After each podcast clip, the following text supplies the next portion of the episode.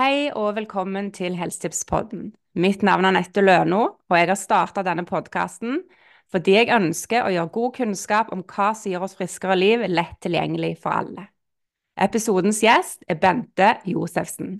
Hun er utdanna innen avhengighetsmedisin med spesialisering på sukkeravhengighet, og er faktisk den eneste med denne bakgrunnen som tilbyr bistand til mennesker med sukkeravhengighet i Norge. Og i tillegg til å være utdannet sukkeravhengighetsterapeut, er hun òg utdannet innen arbeidsrettet rehabilitering, er friskvannskonsulent og kommunikolog. I 14 år har hun holdt kurs, foredrag og jobba med coaching. Og hun er kjent for sin fagkompetanse på sukkeravhengighet, gode humør og evne til å inspirere. Bente er gründer og daglig leder av selskapet Frisk uten sukker AS. Og så har hun gitt ut tre bøker. Bli frisk uten sukker, Sukkerdetox på 14 dager, og nå høyaktuell med sin tredje bok, da. Spis dette, smakfull hverdagsmat uten sukker og ultraprosesserte ingredienser. Dette er jo et høyaktuelt tema. Hva er det som gjør at så mange har så sug etter søtt? Hvordan endte det med at nordmenn handler flere ultraprosesserte produkter i dag? Og hvorfor skaper dette unaturlige kostholdet stress, helseplager, overvekt og sykdom? På FHI fra oktober 2023 så sto det at størstedelen av den voksne befolkningen har overvekt eller fedme. Så ja, hvorfor har vi så lyst på søtt? Hva er det som gjør at det er så vanskelig å begrense ultraprosessert mat? Og hvorfor er den ultraprosesserte maten så problematisk? Det lages mat som lurer oss til å spise mer enn det vi trenger, og det går på bekostning av den sunne og næringsrike maten. Men hjernen er såpass lur at den lar seg jo ikke lure. Vi har samfunnsstrukturelle problemer. 70% av den voksne befolkningen har livsstilssykdommer, og 20% av barna. Og en kan lett sitte med en følelse av at helsemyndighetene sitter passive og ser på denne utviklingen som går feil vei. Hvordan havna vi her? Jeg gleder meg til å høre Bentes betraktninger på dette. Hvorfor er det så stor grad tilsatt sukker og andre tilsetningsstoffer i mat? Hvorfor er det så høy andel ultraprosessert mat i butikkene? Hvorfor har dette fått så stor plass med tanke på markedsføring, plassering, volum, kultur og holdning av disse produktene? Og det som ofte går igjen, er påstanden om at vi må jo få kose oss. Men går all denne kosen utover folkehelsa? Dette syns jeg er viktig at vi snakker mer om. Velkommen, Bente. Tusen takk, Anette. Det var da en veldig fin intro. ja, altså jeg ble jo så nysgjerrig først og fremst kanskje på hva som har gjort at du har tatt denne utdannelsen. Ja, nettopp. Ja, altså Det er jo egentlig en ganske lang historie, tror jeg, så jeg prøver å gjøre det litt kort. Men det er jo basert på en egen erfaring, eh, rett og slett, og oppdagelse. Eh, fordi det er slik at Selv om jeg hadde studert uh, ernæring, så hadde jeg ikke lært noe om dette med sukkeravhengighet. Så Det var jo et helt sånn ukjent fagfelt for meg i veldig mange år. Um, og Det tok også litt tid å forstå at jeg selv uh, slet med nettopp det. For at når jeg ser tilbake til barndommen, så jeg var jo frisk, jeg var uh, uh, aktiv. Det var ingen som var bekymret for meg og min helse. Men med den kunnskapen jeg har i dag, så skjønner jeg jo at det var noen episoder i barndommen som hvor jeg skilte meg litt ut. da, Hvor jeg spiste mye sukker når jeg først kom i kontakt med det. Det var ikke sånn, Den stoppknappen var litt borte. da. Mm. Men heldigvis vokste jeg liksom opp på 70- og 80-tallet, og da hadde vi ikke den tilgangen til sukker som barn har i dag, og det er jeg veldig veldig takknemlig for. Eh, så det var først da jeg passerte 20 år, flyttet hjemmefra, at jeg begynte sånn karriere som jordjordslanke. At det ble opp og ned 10 kilo hele tiden. Og hver gang jeg hadde vært flink da, og gått ned disse 10 kiloene, så begynte jeg vel, tror jeg, å premiere meg selv og belønne meg selv litt. Og da mistet jeg kontrollen eh, over sukkerinntaket gang på gang, da. Eh, og sånn gikk, sånn gikk nå årene før mine helseproblemer virkelig dro seg til. Og til slutt da, så kom jeg over dette med sukkeravhengighet. Og det var den siste brikken som skulle til for at jeg skulle få kontroll på min livsstil. For jeg hadde jo et ønske om å leve sunt. Jeg hadde studert ernæring. Det var helse er en viktig verdi for meg, da. Eh, og allikevel så klarte jeg på en måte ikke å følge mine egne gode forsetter. Så da jeg lærte om sukkeravhengighet, eh, så skjønte jeg at ok, her mangler jeg en viktig brikke. Og så var det ingen i Norge som tilbød hjelp til mennesker med sukkeravhengighet, så jeg måtte selv til Sverige for å få hjelp den gangen da. Eh, og dette, da er vi tilbake til 2016. Og på hvilken måte den kunnskapen endret hele mitt eh, liv på, og min forståelse for meg selv, eh, var så sjelsettende. og i tillegg når jeg da tenkte at det er veldig rart at ingen i Norge sitter på denne kompetansen og faktisk gir ordentlig bistand. Altså at Man blir på en måte bare symptombehandla, misforstått egentlig, eh, i hvert fall i det offentlige helsevesenet. Så tenkte jeg at dette må jeg bare gjøre noe med. Og da satte jeg meg på skolebenken og studerte avhengighetsmedisin med spesialisering på dette med mat og sukkeravhengighet. Og etablerte da etter hvert selskapet Frisk uten sukker. Eh, og vi er det eneste i Norge som er spesialiserte på det. Og, og, så fint at du deler litt av din personlige historie òg, for det er jo ofte våre egne utfordringer som gjør at vi søker inn kunnskap og så skjønner at åh, oh, dette her jeg har lært nå, det trenger jo flere å få nytte av. Ja, virkelig. Og jeg tenker at uh, det er en styrke også. For det med avhengighet det er såpass spesielt at hvis man ikke har kjent på de liksom, irrasjonelle kreftene som er i oss, hvordan man fortsetter å gjøre ting til tross for at det er åpenbare negative konsekvenser, men hvor ikke dette med viljestyrke å ta seg sammen fungerer. Det å kjent på det, og ikke bare ha en teoretisk tilnærming til det, tror jeg er gull verdt i kontakt med de vi hjelper. Da. Fordi um, dette er noe eget, rett og slett. Mm, ja. det er jeg helt sikker på. Og det er jo litt fascinerende da at svenskene har klart å komme tidligere på banen enn oss på dette her. ja, det, det, kan du si. Um, svenskene er jo ofte litt tidligere ute enn oss på mye som er helserelatert. De går litt før oss, og det kan vi jo bli inspirert av. Men så tenker jeg at det handler om at noen må jo starte. så mitt, uh, mitt, håp er jo at flere flere får denne kunnskapen også i Norge. At vi er flere som kan jobbe med det her. Det ønsker jeg bare veldig velkomment. Og så er det den der følelsen, da, litt som du sier, at en får beskjed om at du må jo bare la være. Og hvor sånn enorm viljestyrke som kreves for da å stå imot.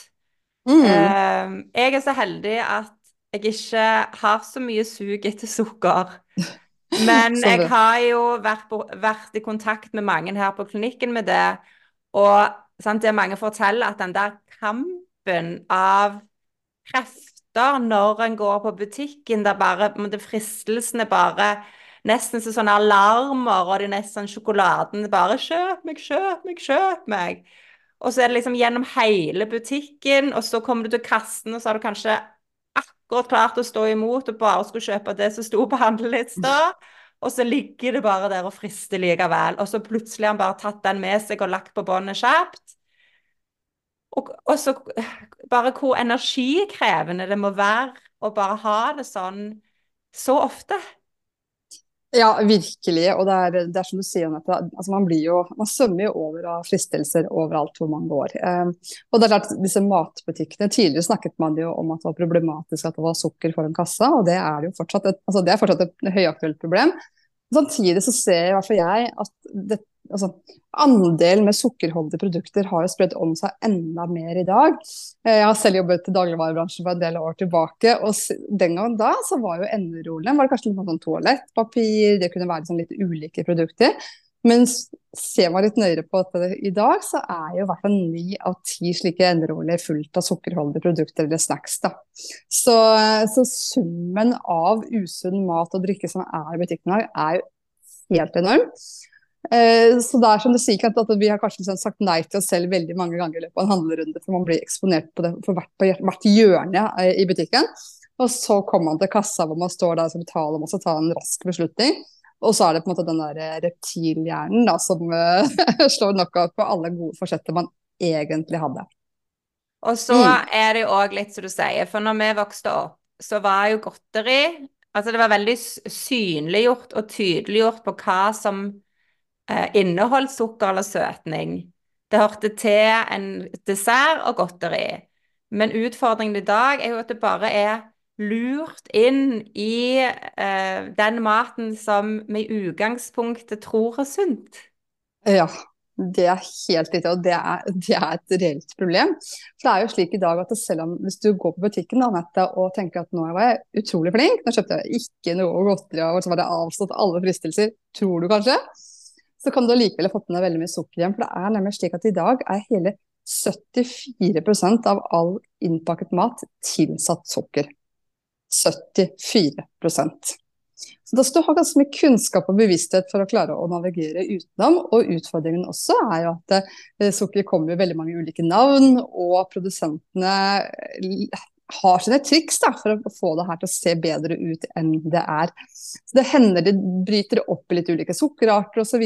fordi at det er jo slik at uh, alle lytterne kjenner til det. Men når man ser på innholdsfortegnelsen på et produkt, så er det slik at det det er mest av, er det som står listet først. Og det er klart at Hvis det står sukker først på et produkt, så vil jo de fleste forstå som leser det her at oi, her er det mye sukker. Men hvis man da bryter det opp i litt ulike sukkerarter, så får man liksom dyttet liksom disse, dette sukkeret litt lenger ned på innholdsfortegnelsen. Men begynner man å summere det opp, så ser man at oi, her er det mye sukker. Og egentlig skulle sukkeret stått først på innholdsfortegnelsen. Så vi, eh, ja, vi går bevisst inn for å lure oss òg, da. Og det gjør det jo ikke enkelt. Nei, og det hvordan endte vi her? Hva er det som gjør at de tar seg rettighet til å, å lure forbrukeren? Hva er dine tanker rundt det? Ja, altså det, det, sies jo at det var de som uh, satt med sin kapital i tobakksindustrien, at de i dag har flyttet det over i matindustrien. For uh, ja, man, veldig, man, har gjort en vellykket kampanje i utgangspunktet mot, uh, mot røyk. Mm. og da må man jo gjøre noe annet for å tjene penger. Og da tenker jeg, i hvilken grad skal vi da ha tillit til disse? Og det man ser, er her er det flere faktorer hvordan det her spiller sammen. Men altså, det vi skal være, ikke skal være naive på, er at det er profitt disse er ute etter. Slik er det jo. Og hvordan kan man skape mer profitt for de som produserer maten? Jo, ved å erstatte naturlige råvarer som koster en del, med billigere ingredienser, hvor sukker er en av de.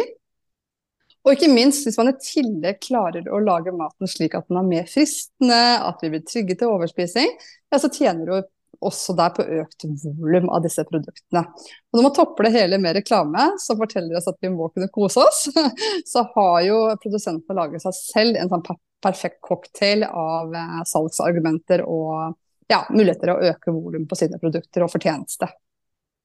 Og så kan en jo forstå da at de som skal selge dette her, at de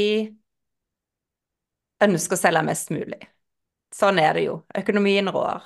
Men at de får lov til det. Altså Bare med merking av et produkt skal jo være veiledende. Men i stor grad så kan jeg begynne å gå inn og se på produkter og butikkene, så er det villedende. For det står gjerne at det er Uh, ja, En grønnsaksgrateng som et eksempel, da. Men når en går inn og ser på pakken, så er det nesten ikke grønnsaker i. Det er en hel haug med andre ting som ikke er så særlig til nytte for oss.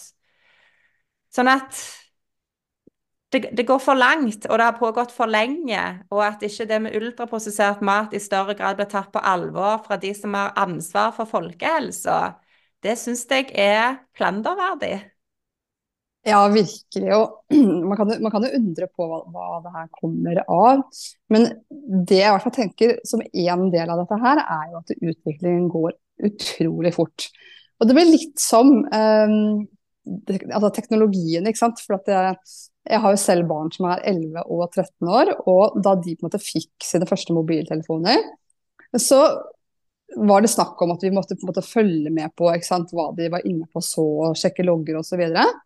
Men så har det jo kommet sant, nye eh, apper og så videre som gjør at historikken forsvinner. Altså på Snap, du, du, kan ikke gå tilbake og se hva, hva var det de chattet om for ett døgn siden. Mm. Og selv om vi har forsøkt å sette skjermtid og begrensninger på disse telefonene, så er det åpenbart at det ikke fungerer i hvert fall fullt ut. For det er veldig mye som går under på en måte, den radaren eller det filteret på et eller annet vis. Og samme tenker jeg litt med tanke på mat også. At man har nok hatt noen ambisjoner om å ha kontroll på hva som selges og serveres av mat. Men utviklingen har gått så fort, Og det er en veldig sånn kreativ bransje her. Så jeg tror man må egentlig skaffe et nytt regelverk som regulerer det her. At bevisbyrden bør være på produsentene av at tilsettingsofre er trygge, og ikke at man må kunne bevise at de ikke er trygge. For det er slik det fungerer i dag. Og vi vet jo at det, ja, hvem er det som tjener på forskning? Um, på mat. og det tar jo uansett mange år å forske på ting. Så man kan jo skade helsen til veldig mange før man kanskje blir bevisst på at noe er skadelig, og hvor det blir forbudt. Jeg leste i en studie av forsker Kevin Hall der de lot en gruppe forsøkspersoner spise bare ultraprosessert mat eller liteprosessert mat i to uker. Og de to diettene var tilpassa sånn at innholdet av næringsstoffer og kalorier skulle være lik, så likt som mulig, og der deltakerne kunne spise så mye de ville. Og der viste studien at de som spiste ultraprosessert mat, fikk i seg 500 flere kalorier om dagen sammenlignet med de andre. Og det uten at de følte seg mettere eller nøyt maten mer. Så det er jo noe òg som trigger noe i hjernen som gjør at eh, vi vil spise mer. Samtidig så tenker jeg at kanskje kroppen og hjernen er så smart at, de, at oppfatter at her kommer det ikke de gode næringsstoffene som den kroppen er avhengig av og derfor ikke øke oppmetthetshormonet i påvente på kommer det ikke noe mer. Vi trenger god næring for at alle cellene i kroppen skal fungere bra. Definitivt. Og det er jo Jeg kan jo skjønne til eh, begrepet bliss point, men kanskje ikke alle lytterne i hvert fall kjenner til det. Og det er, det er jo den, det man kaller den perfekte i anførselstegn, kombinasjonen av sukker, salt og fett, som gjør at et produkt blir maks triggende for belønningssenteret og leder til overspising. Og sjokoladen Smash er et godt eksempel på det. De sier det til og med, at du kan ikke bare ta én. Eh, det vil de fleste som har smakt Smash eh, erfare. At man får lyst på veldig mye mer. ikke sant? Eh, og noen tømmer jo hele posen og litt til når man først er i gang. Og så er det slik at det, det var liksom litt der det begynte, så sagt, med den kombinasjonen av sukker, salt og fett som ikke finnes naturlig i i råvarer. Det eneste på det stedet man finner den kombinasjonen, er jo i morsmelk. Um, og det skal man jo innta i en begrenset periode, og når vi vet hvor mye man vokser i den perioden, så sier det litt om den kombinasjonen. Men så er det jo slik at dette her er jo blitt utvida og videreutviklet enda mer av produsentene. Så er det ikke bare den smakskombinasjonen man ser på. Man ser også på hvordan kan teksturen på mat bli mest liksom, lett fordøyelig. At bare, altså man nesten ikke trenger tygge engang, at det bare sklir ned. At det kan være eh, kombinasjon noen ganger til ting skal være sprøtt, for da vet en at det også påvirker hvordan hjernen oppfatter det vi spiser. Så det er en, det, dette er en vitenskap på høyt nivå, rett og slett. Så, så jeg tenker at eh, ja, det er eh, ikke tilfeldig det som er puttet i maten for å få det her til å ja, smake best mulig eh, og lede til overspising. Ja, og det syns jeg er bare helt underlig at det på et vis er OK, da. Men så så jeg jo på programmet til Else Kåss Furuseth der um, hun prata med helseministeren vår og spurte hva med å bare dekke til og ha advarsel på iallfall det mest usunne, tydelige. Men da svarte jo hun tydelig at nei, vi må ta hensyn til næringen. Ja. Og hadde jeg vært helseminister, så tenker jeg jeg skulle iallfall satt et sånn avtrykk etter meg på at jeg skal gjøre noen gode tiltak som virkelig er med som et godt bidrag til folkehelsa. Men så skjer jo ikke det, da. Nei, og dette er så interessant. for Jeg har jo vært i flere møter på Stortinget og diskutert med litt ulike. Og det de sier, det er jo dette næringshensynet som kommer hele verden. Og den sukkeravgiften som ble fjernet, man kan tenke at det er jo bare å innføre den igjen. Men da er du jo redd for denne grensehandelen, da. Det er jo det som er argumentet. Og det og argumentet er jo så For det er jo nettopp det som er interessant, er jo at når de da fjerna og reduserte moms på sukker og, og, brus og nikotin, så var jo det med en grunn til at vi vil ta vare på arbeidsplasser. Men når en ser på tallene i ettertid, så har vi aldri handla så mye i Sverige noen gang. Så det er en komplett farsott ut ifra de tallene jeg har fått tak på. Så i tillegg da å gjøre usunn mat og helseskadelig òg, tanken med, med, med, nikotin og sukkerfritt, men òg sukker, eh, billigere til befolkningen. Og så i tillegg så har du ikke spart en eneste arbeidsplass. Nei, det er, eh, det er helt riktig. Så tenker jeg også at det, den kostnaden da, det her gir oss som samfunn, har vi råd til dette, er jo mitt spørsmål. Mm. Hvilke, hvilke, hensyn skal vi egentlig ta? Så nei, jeg, ja. Så på med mer moms på det, og så redusere det som er råvarebasert kost. Det er mitt store ønske. Ja, det er jo det man kaller sunn skatteveksling. At man kunne lagt på avgifter på sukkerholdige produkter. Og sånn sett uh, kalles det sponset noe av den virkelig sunne maten, da. Ja. Så, så, det hadde vært et skritt i riktig retning. Samtidig så er det også noe jeg er litt opptatt av, det er jo å nyansere dette med prislitt, Anette. Man trenger ikke å tenke bare én tanke, man kan tenke både og. Ja, for, veldig, for, for veldig mange har en oppfattelse av at uh, usunn mat er billig, og at sunn mat er dyrt. Men det er ikke fullt så enkelt, i hvert fall, som jeg, jeg sier noe om dette i den nye boken min 'Spis dette' også, for å synliggjøre det her. Fordi at uh, Når man ser på kiloprisen på en del av disse ferdige produktene, så kan den være skyhøy. Eh, og hvis du mange tenker at det er for dyrt å kjøpe for ferske bær i butikken. Altså kanskje koster det 60 kroner for en sånn kurv jordbær, og det, det, er jo mye penger, det. Men hvis du mm. ser på da, type produkter rettet spesielt på barn, da, som inn, skal liksom inneholde eh, bær og være en erstatning for ferske bær, så kan jo kiloprisen være faktisk opp i 3000 kroner. Uh, så, så selv om det ikke ser så dyrt ut, for det, det kanskje er en liten pose. så er Det er nesten bare luft i disse posene. Så kiloprisen er jo enormt dyr. Og kvaliteten er jo uh, noe helt annet. Og samme er det eh, hvis man ser på type frokostblandinger. Da. Det er jo veldig mye sukkerholdige dårlige produkter der eh, i hylla. Så ser man på f.eks. ren havregryn, da. Så kan det ha en kilopris på alt mellom 20 og 40 kroner, for det jeg har eh, sett. Mens frokostblandingene er jo ofte oppe i sånn 300 kroner kiloen. Og det siste er jo at hvis man ser på alt det som handler som ikke er nødvendige ting, da, som godteri, snacks, eh, brus, pastiller, tyggegummi osv. Hvis man på en måte eliminerer det fra handlekurven, så kunne man jo kjøpt egentlig ganske mye bra mat. Og det interessante er at det sies at i Norge i dag så utgjør ca. 50% av alt som handles i en dagligvarebutikk, er brus.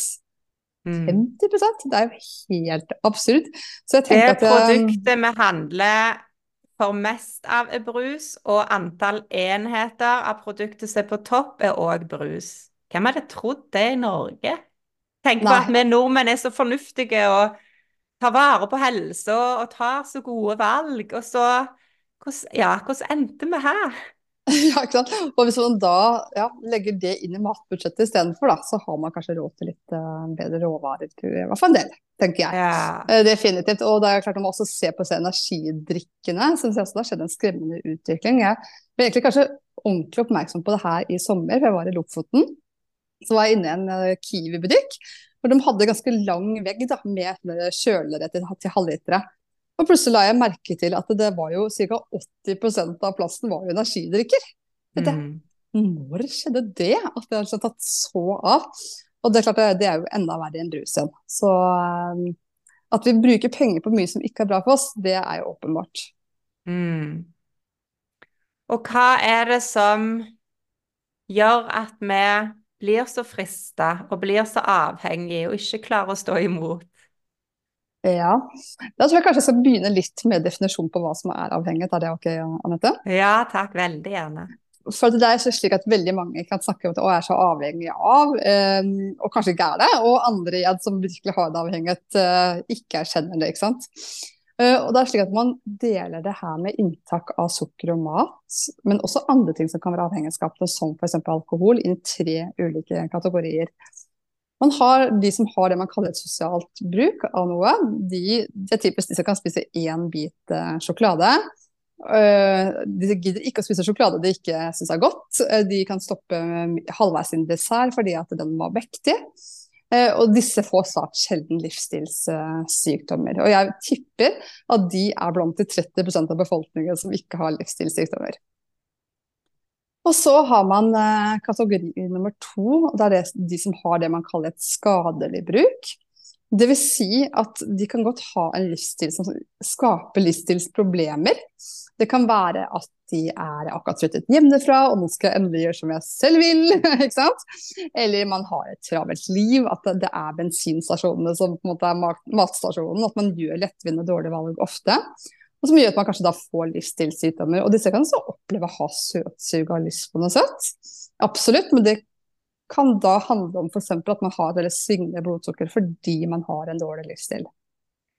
Eh, men disse kan allikevel kunsten i anførselstegn å ta seg sammen. Dvs. Si, hvis de selv blir oppmerksomme på at de har pådratt seg problemer, eller en, en lege eksempel, sier at nå må du gjøre noe her, du har jo spist deg diabetes type 2 f.eks., så kan de det. De kan følge litt ulike programmer, lykkes egentlig med flere typer tilnærminger, men fortsatt kunne sjonglere litt og skeie ut en gang iblant når det er 17. mai, når det er jul, bursdag osv. 8-20-regelen kan fungere veldig fint for de. Og, da, og for de så fungerer det med alt med måte moderasjon kan fungere. Og så har vi den siste kategorien som jeg selv eh, er en del av, og det er vi som da har avhengighet til sukker og øvre raske karbohydrater. Der er det helt andre mekanismer som slår inn. Her er det snakk om at det er en kombinasjon av genetikk, miljø og holdninger som leder til at man kan utvikle en avhengighet. Og da er det slik at når vi kommer i kontakt med det som kan være avhengighetsskapende, så får vi en annen um, respons da, i vårt belønningssenter enn en som ikke har um, anlegg for avhengighet. Og utfordringen med sukker, det er jo at det får vi jo servert gjerne når vi er helt små. I motsetning til f.eks. nikotin, alkohol osv., som gjerne blir introdusert senere i livet. Jeg vet ikke om du har sett noen gang, Anette, videoer av eh, barn som kanskje blir delt i sosiale medier, som smaker sukker for første gang. Så ser du nesten at bare liksom, øya lyser opp og de blir helt i ekstase. Og så sitter de voksne rundt og ler. 'Å, se der', ikke sant. Og de må tenke at dette er skikkelig gøy. Når jeg ser slike barn, så blir jeg bekymret.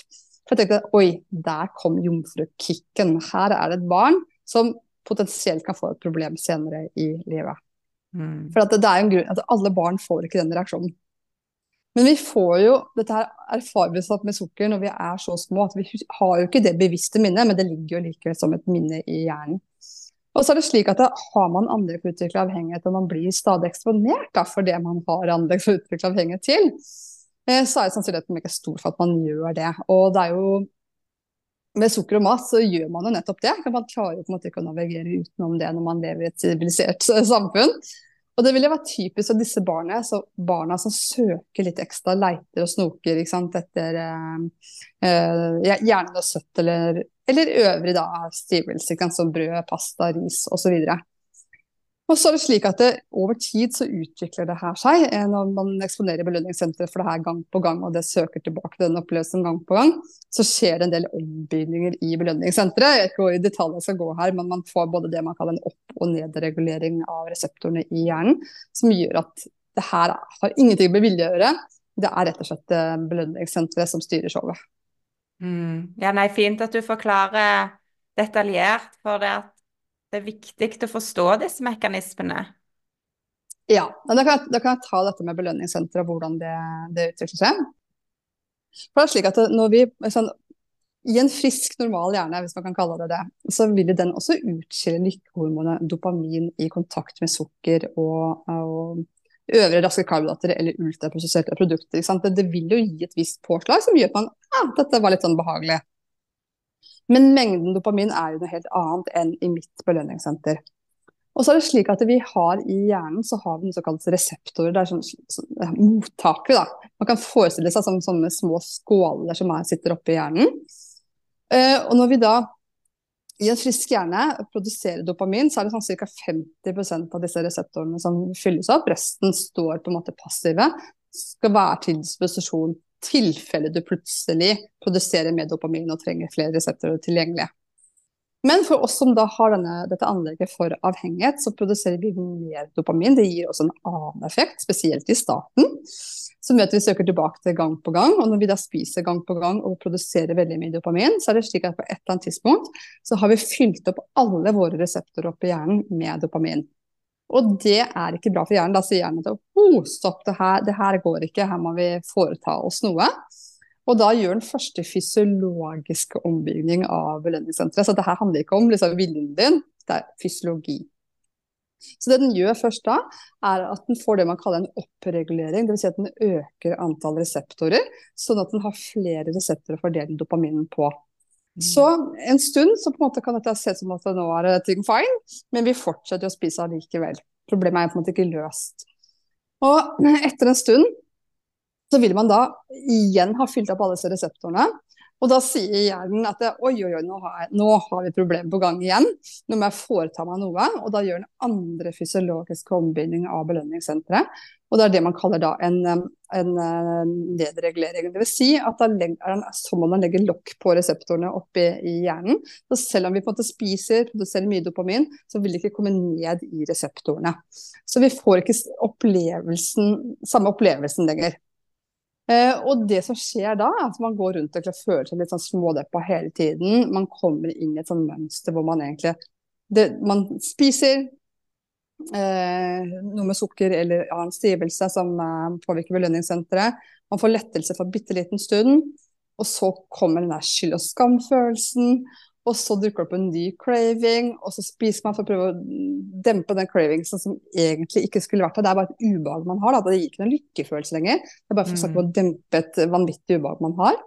Men etter hvert så vil de på en måte ikke det heller fungere ordentlig. For at man har på en måte denne nedreguleringen av belønningssenteret. Og det som da skjer, er at man risikerer eh, å bytte utløp, som man kaller det. Altså Først så øker man volumet man spiser, men ikke det gir effekt. Så risikerer man å bytte det man kaller utløp, at man går over til noe annet som kan skape avhengighet, som f.eks. alkohol, spill, shopping osv. Så, så derfor er det utrolig viktig at man får god hjelp hvis man faktisk har en avhengighet. For um, det er ikke bare å ta bort det man er avhengig av, uh, man må faktisk forebygge at man ikke bytter problem, da. Mm. Mm. Takk for at du forklarer så grundig. Um, hvor mange har dette her? Altså internasjonalt, uh, internasjonal forskning så anslås det at ca. én av fire har en, altså et eller annet utløp for avhengighet. Og Første gang jeg hørte den, jeg tenkte jeg nei, det kan da ikke stemme, det høres jo helt absurd ut. Uh, og det gjør det jo. Men samtidig, så når man ser det litt i sammenhenger, da, så er, gir kanskje allikevel mening. for at det, du var inne på det i starten av din introduksjon, at i dag så har ca. 70% av den voksne befolkningen livsstilssykdommer. Altså syv av ti voksne.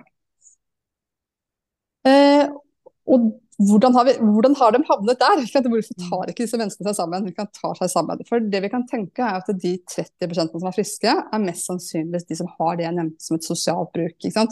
De overspiser ikke, overforbruker egentlig ingenting.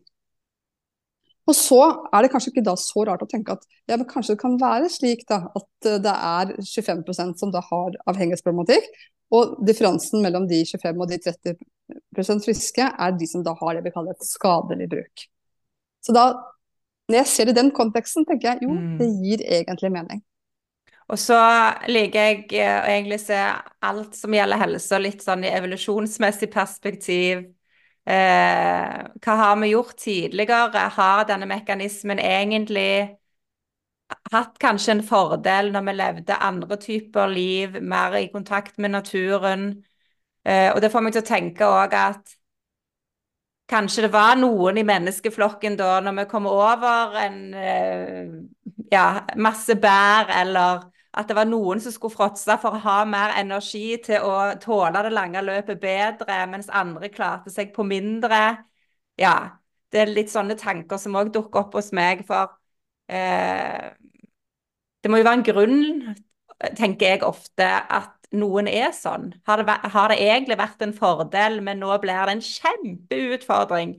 For vi lever i et samfunn der vi bare kan gå på butikken og fråtse. For det er tilgjengelig alltid. Vi må ikke ut og gå langt og lenge for å få tak i et stort dyr vi skal fråtse i, eller masse bær, eller hva enn det er. Eh, for nå er det bare her. Butikker går, Det er 24 timers åpen rundt omkring, så en får alltid tak i noe. Uh, ja, det er et veldig godt poeng, Anette. For at det, når man tenker sånn evolusjonsmessig, så var det, jo, var det, jo, slik at de spiste mye mer i sesong. Eh, og det å spise store mengder f.eks. bær gjorde jo at det la noe på seg, slik at det hadde litt å gå på til vinteren. Mm. Eh, og, da, og, det er klart at honning var en annen ressurs til sukker.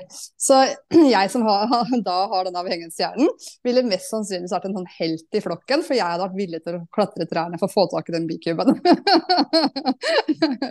Men det hadde ikke skapt problemer for meg. Fordi at tilgangen til søtt eh, hadde vært såpass begrenset og begrensede perioder. Ja, eller så naturlig. Så naturlig. ikke sant? Så, det, vil ja. altså, man må jo ha en viss eksponering skal, skal, man utvikle avhengighet. ikke sant? Så hadde jeg bodd på en øde øy eller levd liksom noen tusen år tilbake i tid, så hadde det her bare egentlig vært en ressurs og ikke et problem for meg. Og så sier du noe om tilgjengelighet, men det er også noe med holdningene også i dagens samfunn. Med det å skulle kose oss, og at tidligere, kan du huske det da røyk var liksom inn, da, så tenkte man jo at man måtte røyke for å være sosial. Mm. Eh, så fikk man jo gjort noe med den holdningen, og heldigvis for det. I dag tenk, høres det jo helt absurd ut. Vi tenker jo helt annerledes heldigvis om røyk i dag. Men er det ikke det vi tenker da om sukker? Hvis du, kom, hvis du stikker innom noen eh, eh, til en kopp kaffe, så blir det ofte satt frem noe søtt også. Du, det er sjelden du får bare denne kaffen. Og vi ser jo også sånn i Jeg syns som Mine barn kan, er med i ulike idrettslag, spiller ulike idretter. Jeg syns det er ganske ofte at de får servert noe både etter trening og kamper osv. Og, så og det er jo da gjerne noe søtt. Og det blir servert som en belønning. 'Nå har vi vært flinke. Bra kamp.' Eh, ja. ja. Så det er jo Og når det blir lagra som en vane og en sannhet med at nå fortjener du for at det var kjipt å tape den kampen, så nå må, vi trøste oss med noe. Eller nå skal du få premie, for nå har du spilt så bra. Eh, så har vi liksom den der loopen som bare går og går og går òg. Og vi er jo mm. så heldige at vi vokste opp uten tilgang på dette eh, i så stor grad.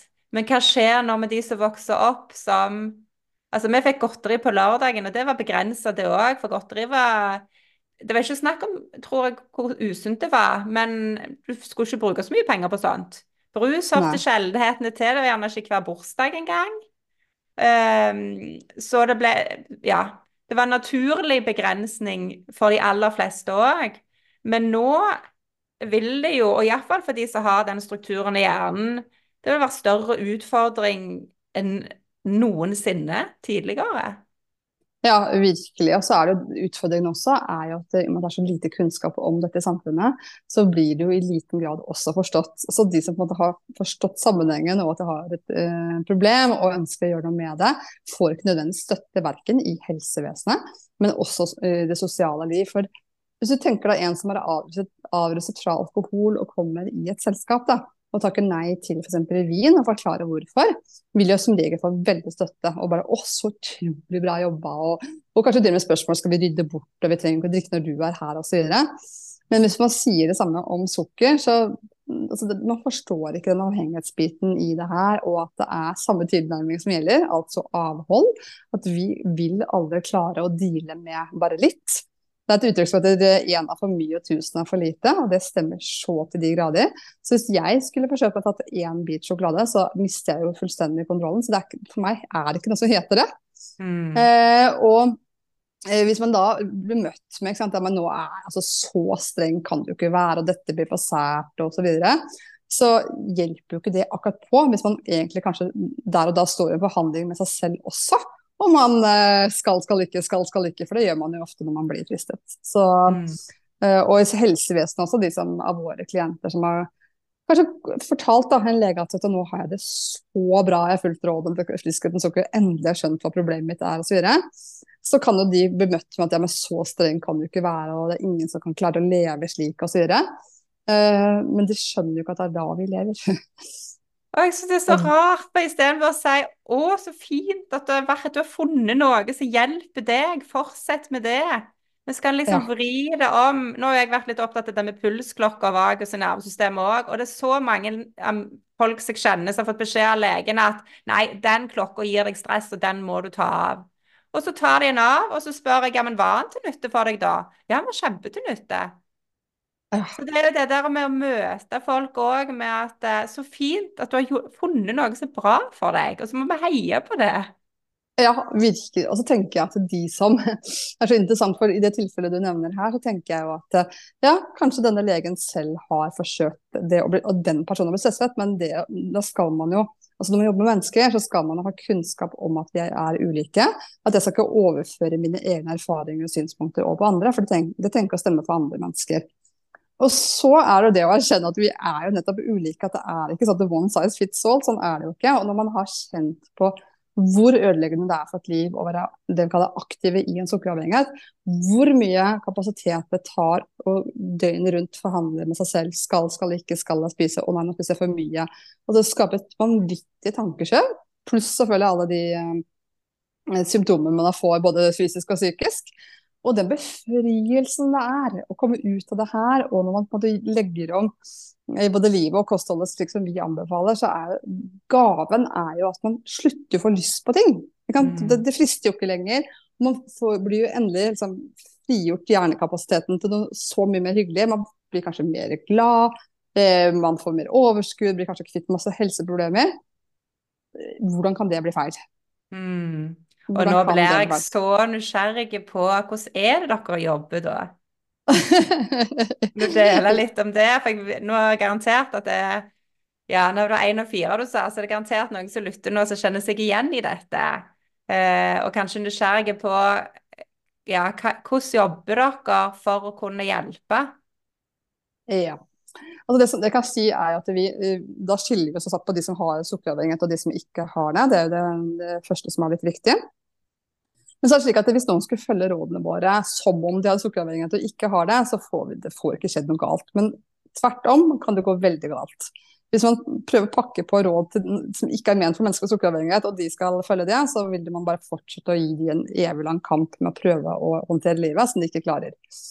Men det vi gjør for de som har en sukkeravhengighet, da, det er at vi har det er tredelsprogram.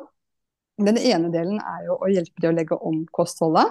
Og der må man rett og slett ha litt, uh, litt kunnskap. Og jeg har skrevet en egen bok om det òg, som heter 'Sukkeravhengig blir frisk uten sukker'.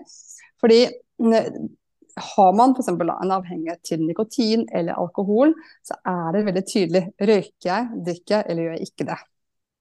Uh, men når det gjelder dette med sukker og mat, så er det så mye mer komplisert. For det handler ikke bare om å ta bort sjokoladen, det handler om å ta bort alt som potensielt kan trigge belønningssenteret.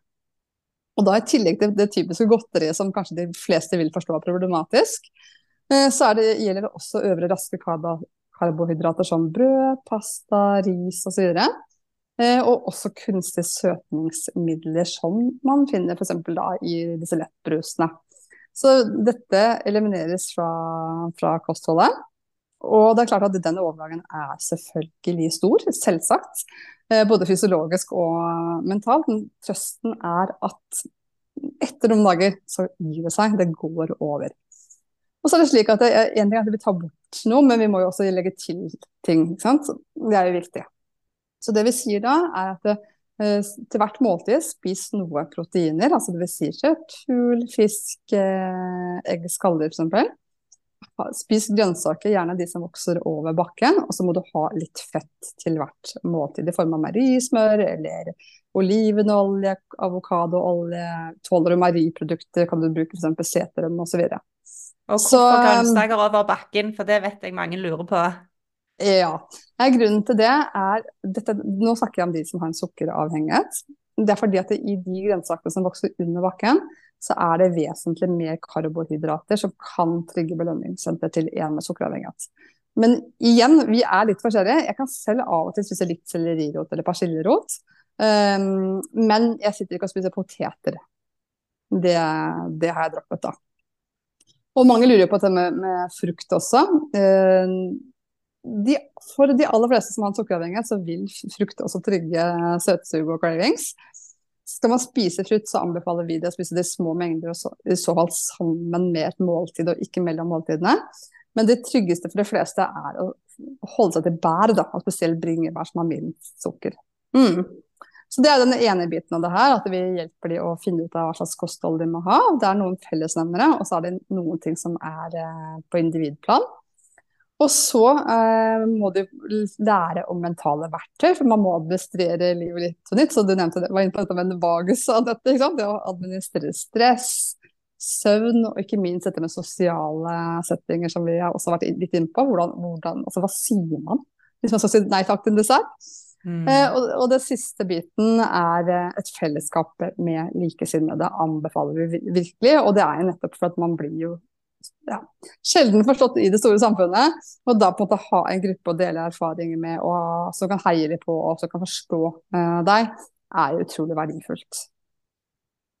Så viktig. For det at det, det å få dette til på egen hånd, tenker jeg blir veldig krevende. Og litt som du sier, når hjernen bruker alle ressurser, kanskje, eller mye ressurser på dette her, så har han ikke tilgang på et overskudd til å og virkelig få det til på egen hånd. Og det er òg fint at du nevner det med fellesskapet, sånn at en har noen som forstår en. Eh, for ellers vil andre si ja, men det er jo bare til å kutte ut, bare la være. Nei, men det er noe mer krefter i dette her enn akkurat det du kjenner på. Definitivt. Og avhengighet styres primært i uh, det som kalles reptilhjernen. Og reptilhjernen har jo ansvar for overlevelse. Så mm. alle som på en måte noen gang har opplevd å være i liksom akutt fare for liv og død, har jo eh, erfart at da forsvinner på en måte den der eh, frontallabben, alle de kognitive funksjonene. Man sitter jo ikke i en akutt fare og vurderer hva som er lurt og ikke lurt, man reagerer jo kun på refleks. ikke sant? Eh, og det er slik det også fungerer ved avhengighet. Det er denne mm. delen som styrer showet. Og i hvilken grad skal man da forvente at et menneske klarer å overkjøre det som en funksjon? da? Eh, og fortelle hjernen sin at ja, men jeg er ikke livsfare, eh, dette går bra. Det er ikke spesielt enkelt. Så har man en sukkeravhengighet, så skal man ikke lære folk å håndtere cravings, man skal lære å unngå å få det. Fordi så når en kutter det ut, da, det meste, altså fra kosten, det du sier Når belønningssenteret ikke får den stimulien, um, vil den lysten og suget etter det reduseres da? Ja, det er riktig. Altså, det vi sier, vi skal ikke, vi skal ikke redusere søtsug eller dempe det, vi skal fjerne det. Og det gjør vi jo. Samtidig så skal det sies at det er jo det er, altså, Har man faktisk da, en sukkeravhengighet, så er det en, en, kronisk sykdom som ikke blir borte, men man kan leve symptomfri fordi man lever da i tilfriskning fra det her. Og det er en sykdom som går i bølger, så det vil si at man kan komme i livsfaser eller situasjoner i livet som er litt krevende, f.eks. Eh, hvor hjernen kan begynne å lure på ja, men så ille var det vel kanskje ikke. Nei, kanskje jeg ikke har en sukkeravhengighet. Og så kan mm. på en måte hjernen lure seg selv til å til å ta en første bit av noe som kan få store store konsekvenser. Så det krever jo eh, livslang, livslang, oppmerksomhet. Det er ikke en livslang kamp, men det er livslang oppmerksomhet. Det er det. Så jeg er jo selv, som jeg selv har levd i tilfredshet i veldig mange år nå, og føler meg veldig sånn stabil i det og har det veldig bra. og går absolutt ikke rundt med noe søtsug. Eh, det er svært, svært, svært sjelden jeg opplever det.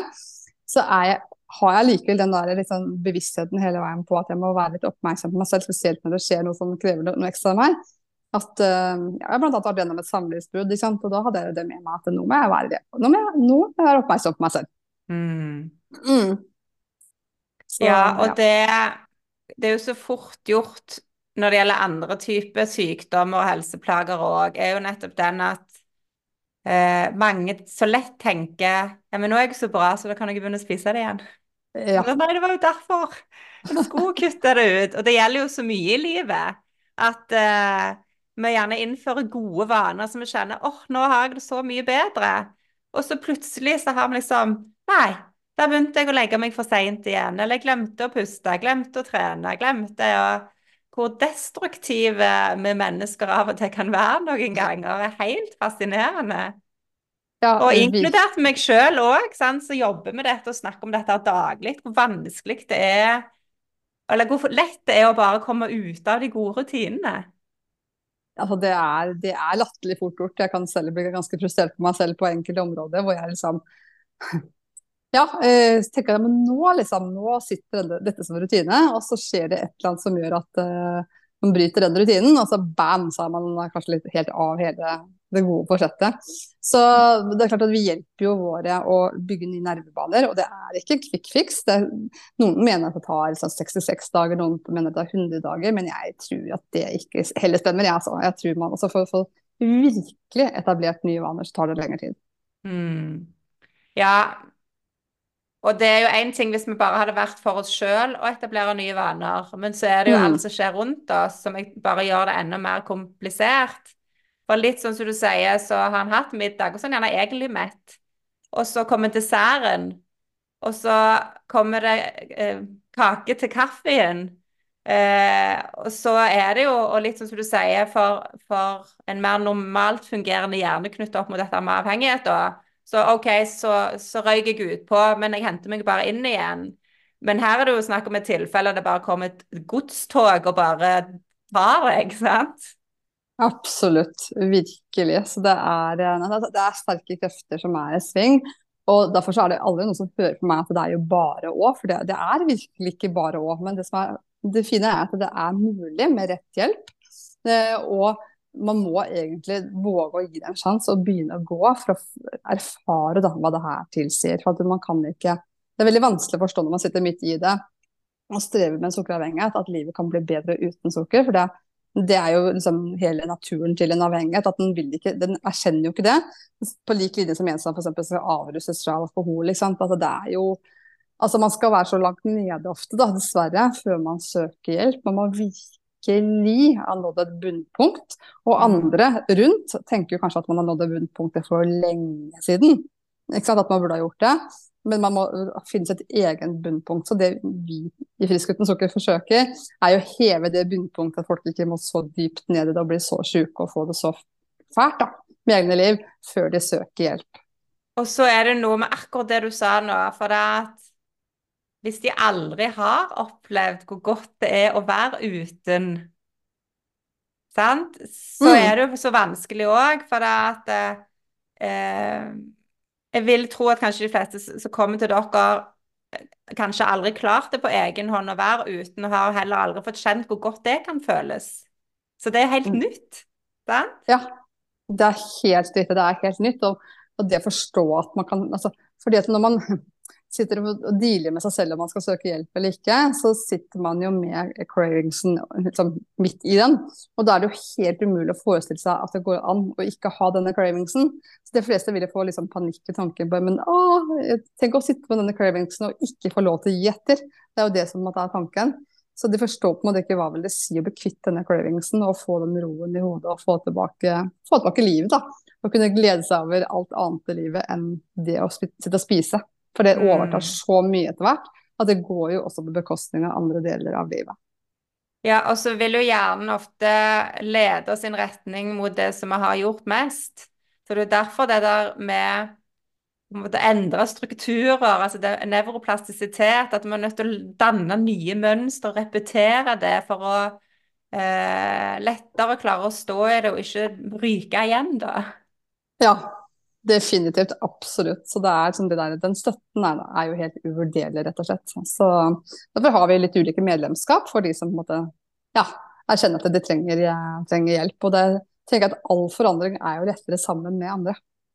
Og Hvis en er litt nysgjerrig òg på dette her nå, så, og tenker åh, jeg er litt redd for å gå inn i dette her, for det at jeg er ikke helt klar, og det er jo òg ofte en prosess, så er jo et godt sted å starte er jo òg å lese boka. Definitivt. For denne siste boken min, da, som heter 'Spis dette', er jo egentlig for alle, uavhengig av om man har sukkeravhengighet eller ikke. Eh, og det er bare noen få oppskrifter som ikke er spesielt egnet til om man har en sukkeravhengighet, men de har vi da merket og skrevet en liten sånn warning på. Eh, men, dette er til nytte for oss alle, den, den ja. siste boka. Ja, så veldig så kjekt. Ja. Og så tenker jeg litt Jeg har jo eh, små barn. Uh, og jeg har ikke sett den iherdige gleden i, i, godteri hos de som du beskriver. Men hvis en har da et barn der du bare Akkurat det du sa tidligere oh, det er, dette gjelder jo mitt barn. Eh, har du noen tips til hva en skal gjøre da? Ja, eh, definitivt være litt oppmerksom på oppmerksom og følge litt med om dette er barn som eh, ofte også spiser smug. Sånn, er det altså klart så veldig avhengig av alder, da. Men hvis du typisk ofte finner på en måte sånn godteripapir sånn, eh, gjemt under dyner og sånne ting, sånn, det med å gjemme og smyge er et sånn Jeg skal ikke si at det betyr at man har en sukkeravhengighet, men det er noe å være oppmerksom på, hvis jeg kan gi mening for, for, for, å nyansere. For klart, flere kan jo gjøre det, det er ikke det. men det er litt typisk da, for disse, og de gjør det oftere og i større mengder. ikke sant? Um, og, det, og, det, er klart at det, det, som er viktig, er jo på en måte ikke ta de på fersken og skamme de. Det, det, er superviktig. ikke sant? At man heller kan kanskje sette ord på, eh, snakke litt om er det slik at du ofte har lyst på noe søtt. Um, hva skjer med deg når du spiser, føler du deg ikke sant, glad? Altså prøve å så, komme, så, ha naturlig inngang til det. da. Og kunne snakke om, snakke om det. Og så tenker jeg at Eh, det å prøve å ha en litt sånn fornuftig brems. Um, det vil si, prøv å ikke ha godteri i hus utenom lørdagene, for at uh, disse barna finner det godteriet og spiser det uh, hver dag i uka, uh, for å si det sånn. ha begrensa mengder på lørdager. og så er det å sette seg litt inn i hva, hva, som er sukker, for at det er veldig mange kjøper bl.a. disse mellombarene. Jeg tenker at det er små mellommåltider, men det er mer sukker i de enn det er i godteri. Så, så, så, det på en måte ja, rett og slett prøve å ha en litt fornuftig brems på. Eh, selv, altså Mine barn da, de får ikke brus av meg for eksempel, annet enn til jul, bursdager, 17. mai osv. Vi har ikke brus fordi det er en lørdag. Vi har ikke det. Mm. Så, så, prøv å, ja, så, prøv å, få dem mest mulig næringsrik mat. Begrense tilgangen eh, til sukker. Eh, men sånn at ikke skamme de, det er superviktig. Mm. Og du snakket om at det, at det er gener som spiller inn. Er dette her ofte noe som kan være arvelig? Altså for når det gjelder gener, så er det jo òg noe som blir skrudd av og på, og eh, kan være komplekst. Men eh, ser han ofte at det er mange i en familie som har det? Ja, det er helt riktig. Ja. Det er nemlig slik at eh, all avhengighet også henger sammen. Jeg vil si litt om det for å kunne gi et godt svar på det. Ja, eh, For vi har, vi har, nemlig bare ett belønningssenter som kan utvikle avhengighet. Og så er det slik at Man deler avhengighet inn i to ulike kategorier. Man har den ene som kalles uh, inntaksrelatert avhengighet. Det er alt vi kan innta som sukker og mat. Eh, nikotin, piller, narkotika, koffein osv. Så, så har man det som kalles prosessrelatert avhengighet. Det er ting vi gjør som vi ikke da har kontrollen på som får negative konsekvenser. Det kan være overjobbing, shopping, spill med og uten penger, um, trening osv. Og så er det slik at Det kalles for ulike utløp for avhengighet. Og så viser forskning at uh, ca. 90 av de som har avhengighet, har gjerne en kombinasjon av disse. Så det kalles uh, addiction interaction disorder. Og så er det nemlig slik at til ditt spørsmål da, Anette, om genetikk her. For det vi ser, er at det her ofte går i familier. Så vi snakker med våre klienter, eh, de vi liksom snakker til med, og spør om det finnes noen andre i deres familie som eh, de kjenner til har slitt med avhengighet, så kommer det som regel frem. Men det trenger jo ikke da være at det er sukker og mat som er det mest åpenbare, det kan være andre ting.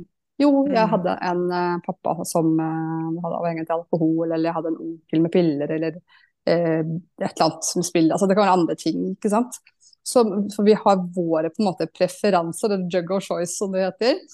Det kan være litt forskjellig fra person til person, men, men, det går ofte i familier. Så har man jo det som du nevnte, det med slå av og på genet, det som kalles epigenetikk. Mm. Utfordringen når det gjelder sukker og mat, at vi blir jo eksponert for det. Så, det, mm. så, har man det anlegget, så er sannsynligheten stor da, for at uh, man utvikler avhengighet. Fordi at man har kombinasjonen genetikk, miljø og holdninger i samfunnet. At vi blir nærmest dyttet dette på, på oss. Ja, dette her syns jeg er veldig viktig at vi snakker mer om, rett og slett. Så jeg er så glad for at uh, du vil uh, prioritere tid til å være med som gjest i Helsetipspodden og, og dele dette. Og òg at du eh, har en egen podkast, eh, Sukkerpodden. Stemmer. Ja. Og, òg at du bruker tid på å lage bøker som eh, er tilgjengelig, lett tilgjengelig, og, og, med et godt språk som gjør at en eh, Og hjelp òg, ikke minst. Sånn at eh, de som lytter nå, kan OK, her er det noe som jeg ønsker å jobbe med, så, så start gjerne da med å, å søke mer, mer, kunnskap. Og så kan det nok, tenker jeg, være eh, det å få på en måte en hånd å holde i i en prosess, eh, kan nok òg være nyttig for mange. For det å, å starte på dette helt sjøl eh, kan være krevende. Absolutt. Uh, ja, har man, har man, en sukkeravhengighet, så vil jo de aller fleste i, på et eller annet tidspunkt innse at de trenger hjelp med det. Har man mm. ikke en sukkeravhengighet, det man kaller da bare et skadelig bruk, eller for den saks skyld sosialt bruk, men ønsker livet enda bedre, så, så kan man jo hente inspirasjon fra bøker osv., men fortsatt sjonglere litt på hvordan man lever, ikke sant. Ja, jeg ser nesten for meg at dette er sånn, litt sånn i tre kategorier, for man har det det ekstreme, og så er jo kanskje størsteparten av den gruppa er gjerne den i midten med at eh, eh, en får i seg for mye som går utover helsa. Um, og det er vanskelig for de òg, så det handler ikke om å, å, ikke ta det på alvor heller, for det er òg kjempeviktig. Definitivt. Og det, og det, er klart at det er jo sånn som med de ultraprosesserte produktene, det er jo veldig mange som er forvirret på men hvordan vet man at det er et ultraprosessert produkt. Eh, ja. og, hva, og, hva, skal jeg gjøre istedenfor, for det har tatt så stor plass av eh, andel av kostholdet i dag. Det sies at mellom 50 og 60% av all mat som handler, handles i dag, er ultraprosessert. Eh, og det er klart at det, eh, Si du skal kjøpe en leverpostei, Anette, og så finnes det da produkter som er bare det som kalles prosessert, og de er helt fine. Og så har man mm. det. og det er klart, da krever det kunnskap, da. Tenk at du ikke egentlig tenker ut at du har gode valg engang. Folk er forvirret, de skjønner ikke forskjellen, og det skjønner jeg godt. Og så... vi er på et sted nå der jeg tenker at det er viktig at vi faktisk søker kunnskap for å kunne ta bedre valg. Fordi at det er ikke lett tilgjengelig for oss på mange måter. Og jeg tenker litt at vi kan, det kan være vi kommer til et uh, litt sånn skille etter hvert nå på når det gjelder helse. Uh, der de som nå har evne, lyst og mulighet til å søke god kunnskap og ta bedre valg, kontra de som bare går og handler og tenker at alt er trygt i butikken, um, uh, vil ja, framover i større grad gi et skille på de som lever et friskere liv med mer livsglede, kontra de som uh, ikke tar noen bevisste valg. Der er det mye større risiko for helseplager og sykdom. Definitivt. Og jeg, jeg, kan jo kanskje bare hvis det er greit for deg, si kort om hva, hvordan man kan gjenkjenne et ultraprosessert produkt for de som ikke vet det. Mm. Kan kanskje, kanskje være til hjelp. da. Eh, og det er slik at det, Hvis du ser for deg en rå, råvare, ikke sant? at et, et, et, egg eller et kjøttstykke, det har jo bare det har én ingrediens. ikke sant? Det er ikke noe mer på den lista. Da vet du jo at dette her er en råvare. Men så har man jo det som kalles et prosessert produkt. Da er det fortsatt helt OK. Det, det, det handler kanskje om eh, matkvalitet, sikkerhet osv. Eller at vi hjemme steker eller koker dette egget. Det er uproblematisk. Eller at vi fryser, fryser maten, tør, tørker osv. Fermenterer. Men så er jo utfordringen i det noe blir ultraprosessert. For det produsentene gjør, er ofte at de fjerner veldig mye av råvaren. Og da kan vi ta leverposteien som et ganske illustrerende eksempel på det. For at I utgangspunktet så bør det på en måte kjøtt og lever være liksom det, det, det er mest av i en leverpostei. Slik var det jo tidligere. Mm. Men hvis, ofte i dag så står kanskje vann som første ingrediens på en leverpostei. Og da kan man lure på hvordan kan dette egentlig bli en leverpostei? Eh, og klart Vann er jo billigere enn eh, lever og kjøtt, åpenbart. Så det, De har jo da de dratt ned på andelen råvarer, og hva må de da gjøre? Jo, da må de tilsette veldig mye tilsetningsstoffer som gjør at produktet allikevel smaker bra, at det får en tekstur og en konsistens som på en måte er eh, salgbare. Da, ikke sant? spise det, ja. ikke sant? Og gjerne veldig lang holdbarhet, ikke sant? sånn at det blir lite svinn. ikke sant? Um, så det beste måten man kan se at noe er ultraprosessert, det er rett og slett snu på produktet, se på innholdsfortegnelsen. Se, se litt, litt, på lengden. Er den veldig lang? Det er liksom første røde flagget. Men det kan det av og til være hvis det er et produkt med krydder. At det bare er naturlige ingredienser. Det hender jo, ikke sant. Men i lengden kan si noe. Og så ser du på men hva inneholder det. Er det veldig mange ting her som jeg ikke aner hva er? Ja, da er sannsynligheten veldig stor for at det her er ultraprosessert. Og så tenker mange at men, det her høres veldig komplisert ut, og det kommer til å ta så lang tid så jeg å sjekke det her. Men de fleste av oss vi handler egentlig ikke så veldig mange ulike ting når alt kommer til alt. Vi har på en måte et repertoar. Mm. Så si at du pleier å kjøpe leverpostei til din familie. Så trenger du egentlig bare sjekke det her én en eneste gang, så vet du jo hva som er det beste produktet. Da trenger du ikke sjekke det neste gang.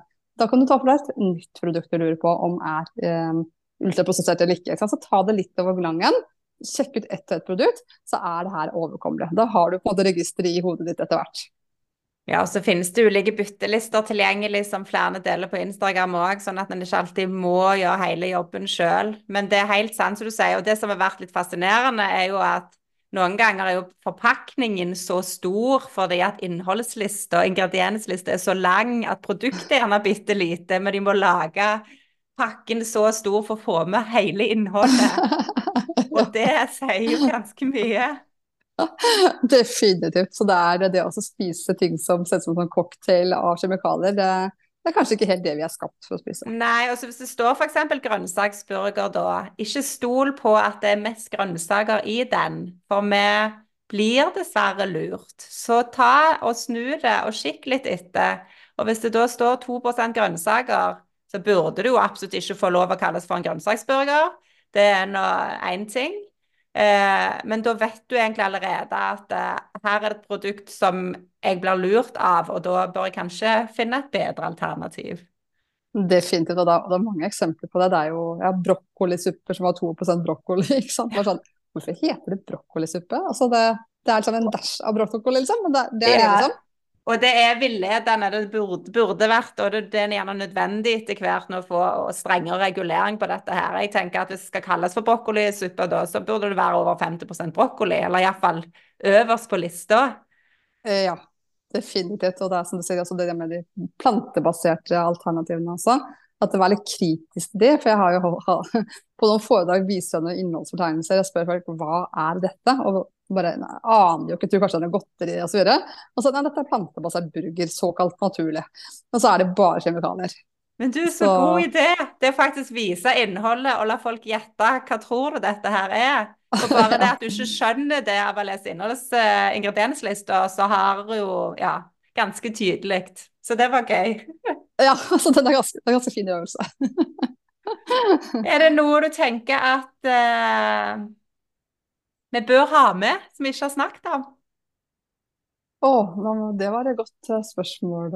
Jeg har noen tips til slutt, det skal vi ta til slutt. ja, Men vi, vi kan vært... gjerne gå til det òg. Vi har vært innom ny, ja. mye nå. Og jeg tror for mange så det, kan det være en del eh, nytt òg. Og så òg, hvis en ikke har det som er en sukkeravhengighet, så er jo dette òg så viktig fordi at mest sannsynlig har du noen rundt deg da Eh, så det å kunne få mer forståelse for hvordan andre har det, er òg så viktig. Definitivt. å tenke at hvis du, ja, Det kan tipse om denne podkasten til andre da, som eventuelt tenker kan ha nytte av den. Det er jo superviktig. For det er jo det kan jo være en prosess fra man på en måte får kunnskap til man uh, våger å gjøre noe med ting. Men det er det å så de frøene kan mm. være utrolig viktig. og Noen høster de ganske fort, og noen trenger lengre tid. Men det viktigste er jo å få kunnskap. For uten kunnskap så ja, da får man jo ikke gjort noen ting. Nei, og det er derfor jeg har denne podkasten. For det, det, er så viktig å få ut kunnskap, sånn at vi kan ta bedre valg. Så vi kan leve, ha det bedre, rett og slett. Definitivt. Og det er eh, ja, nei, selv så gikk jeg for rundt og følte at jeg liksom ikke mestret liv og følte meg alt annet enn høy i hatten alle de årene jeg selv strevde og ikke klarte å følge mine egne gode forsetter som følge av at jeg hadde sukkeravhengighet jeg ikke kjente til. Da. Jeg visste ikke at det var det som var min uh, utfordring. Så det å få den kunnskapen utgjør hele forskjellen for min del. Og jeg er så, så glad for at du bare Ikke glad for at du har hatt dette her, selvfølgelig, men så glad at med dette har bare spissa deg inn på sånn, Du kan godt tenke at dette er snevert, men det er jo ikke det med tanke på hvor mange som har det. Uh, men um, bare har søkt kunnskap, og nå tar det inn til landet da, og deler det?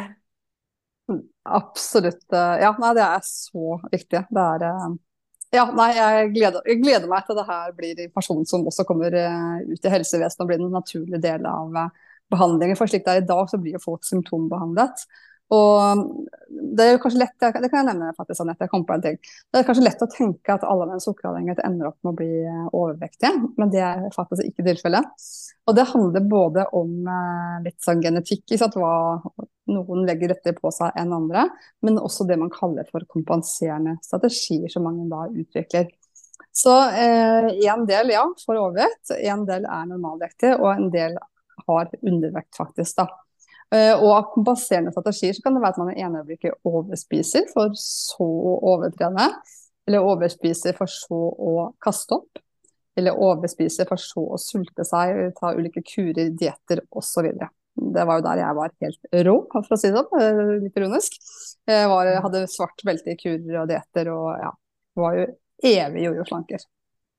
Så så ja, altså alle får rett og slett ikke overvekt, men de som, av de som får overvekt, så er jo det som tilbys i helsevesenet i dag, hvis de på en måte ikke klarer å følge en livsstilsforandring, og det vil de ikke klare om du har en sukkeravhengighet og ikke får rett livsstil, så vil jo de da ofte tilbys slankeoperasjoner, og nå har altså disse slankemedisinene kommet for fullt. Uh, og ingen av delene gir noen varig løsning her, det er jo bare en ren symptombehandling. Som, uh, så ja, mitt ønske er at jeg før disse tiltakene Eh, foreslås i fremtiden, at man først har gjort en liten kartlegging. Kan det være at dette mennesket faktisk har en sukkeravhengighet? At det er grunnen til at de har fått de problemene de har fått. Mm. Ja, eller spise på følelser. Altså For det er mange ting. Men at vi da på et vis skal gjøre det så enkelt, og det vet jeg jo at det ikke er, men da å ha en operasjon som er kjempekrevende eller òg få disse her såkalte slankesprøytene. Eh, så har vi faktisk ikke hjulpet skikkelig. Nei. Og så er det slik at det, av de som blir slankeoperert, så eh, disse tallene spriker litt. Men jeg har lest alt fra mellom 10 og 30% på de som går gjennom en slankeoperasjon, utvikler avhengighet til alkohol i etterkant. Um, og hvis de er slik at de egentlig har hatt en sukkeravhengighet og ikke klarer å fylle magen lenger med de mengder som skal til for å dempe cravingsen på det, så vil jo belønningssenteret leite etter nye veier, og da er alkohol lett tilgjengelig. Mm. Så Det er jo helt skrekkelig, da har man jo ikke løst et eneste problem. Og i tillegg så vet man jo at veldig mange av de som blir slankeopererte, sliter med næringsopptak i etterkant. Og i tillegg, i hvert fall det jeg har hørt, så er det slik at disse følges opp i fem år for å se hvordan det går med dem. Men veldig mange av de som på en måte legger på seg en del gjør faktisk det etter slankeoperasjoner. Så det skjer ofte etter fem år, så de på en måte fanges ikke da opp av statistikken. Så vi har jo fått ganske mange til oss i Frisk uten sukker som har vært gjennom slankeoperasjoner. Som da erfarer at de begynner å legge på seg igjen, eller kjenner sug på alkohol eller andre ting. Eh, så søker vår hjelp, men også andre mennesker som f.eks. er avruset fra alkohol. Som, eh, som, kommer til oss fordi at de har erstattet alkohol med sukker. Så, mm. så det her er jo veldig veldig komplisert. Og når det gjelder dette med de slanke medisinene, så jeg tror ikke vi sitter med fullstendig oversikt ennå over alle bivirkninger, men det kommer jo stadig artikler nå. Jeg har snakket med flere som har testet disse medisinene. Og ikke for å komme med skremselspropaganda, men det er i hvert fall inntil flere har nevnt for meg, og som jeg stemmer med det jeg leser, er jo at en del får faktisk selvmordstanker. Eh, og noen tar jo faktisk selvmord, det er jo helt skrekkelig. Så det er liksom hvilken pris har disse medisinene. Og dessuten så vet vi at det, eh, i svært sjeldne tilfeller så gir jo disse varige effekter, gir jo kun effekt mens de tas. Mm. Og de er jo utrolig dyre også. Så jeg tenker livsstilsforandring først. Burde ha prøvd. Mm. Ja. Jeg er enig. Det der med disse her i hermetegn enkle løsningene der vi faktisk ikke jobber med det som er årsaken. Vi må slutte med det. ja, Et hjertesukk her fra Stavanger, altså. Altså skal det sies at jeg, altså, jeg, jeg, betviler ikke at veldig mange av de som både blir slankeoperert og tester medisin, har prøvd mye. Det har de mest sannsynligvis. De aller fleste har prøvd veldig mye og egentlig utvist en enorm viljestyrke for å teste alt det de har blitt anbefalt. Ja. Utfordringen er at hvis de, hvis de har en sukkeravhengighet, så har de blitt satt på feil tiltak. og det det, altså det er som å skal reparere bil med feil verktøy. Altså det går bare ikke. Ja. Så, det, så det er en missing link her da, som vi adresserer. Ja, og der er vi jo enige. Så pleier jeg å spørre nå om du har tre helsetips på slutten, som en oppsummering på, på det vi har eh, prata om. Ja, gjerne det. Eh, det jeg pleier å anbefale folk som generelle råd, det er apropos hvor mye brus som selges og drikkes etter landet her, begynn med å fjerne flytende sukker. Også om det er kunstig søtningsmidler. Så ikke drikk brus, rett og slett. Uh, har du ikke sukkeravhengighet, så kan du kanskje gjøre det på julaften, da. Men du trenger ikke, ikke ha det som tørstedrikk, rett og slett. Uh, og det samme gjelder da juice. At det er, spis heller frukt enn å drikke denne juicen. Så fjerne flytende sukker er uh, smart. Og så anbefaler jeg å gå over til mest mulig rene råvarer, og prøve å kutte ut mest mulig av den ultraprosesserte maten. Det vil være bra for alt, rett og slett. Eh, og det siste er å spise deg da mett på disse eh, råvarene. Fordi hvis det, du f.eks. tenker at du har behov for å gå ned i vekt, og spiser lite, så vil du mest sannsynligvis gå på veldig mange smeller, for det er ingen av oss som er designet for å gå rundt og være sultne. Det er også helt unødvendig. Så hvis vi har mer fokus på kvaliteten på maten, og spise oss mett, så vil det gjøre vidunder både for helsen din og mest sannsynlig vekten hvis du har behov for det. Istedenfor mm. å tenke lite og magert osv. For det, da går du bare rundt i en evig loop med småspising og sukkersmeller. Bra tips. Vann som tørstedrikk nummer én. Ja. Spis råvarebasert kost, og spis deg mett på god, næringsrik mat. Ja. Våg Hvis å spise alle, mett. alle hadde gjort dette, så er jeg helt sikker på at det hadde bedra den norske folkehelsa med så tre enkle tips. Ja, definitivt. Det kan gjøre en stor forskjell i noens liv å gjøre de såkalt enkle, enkle grepene, tross alt. Mm. Ja.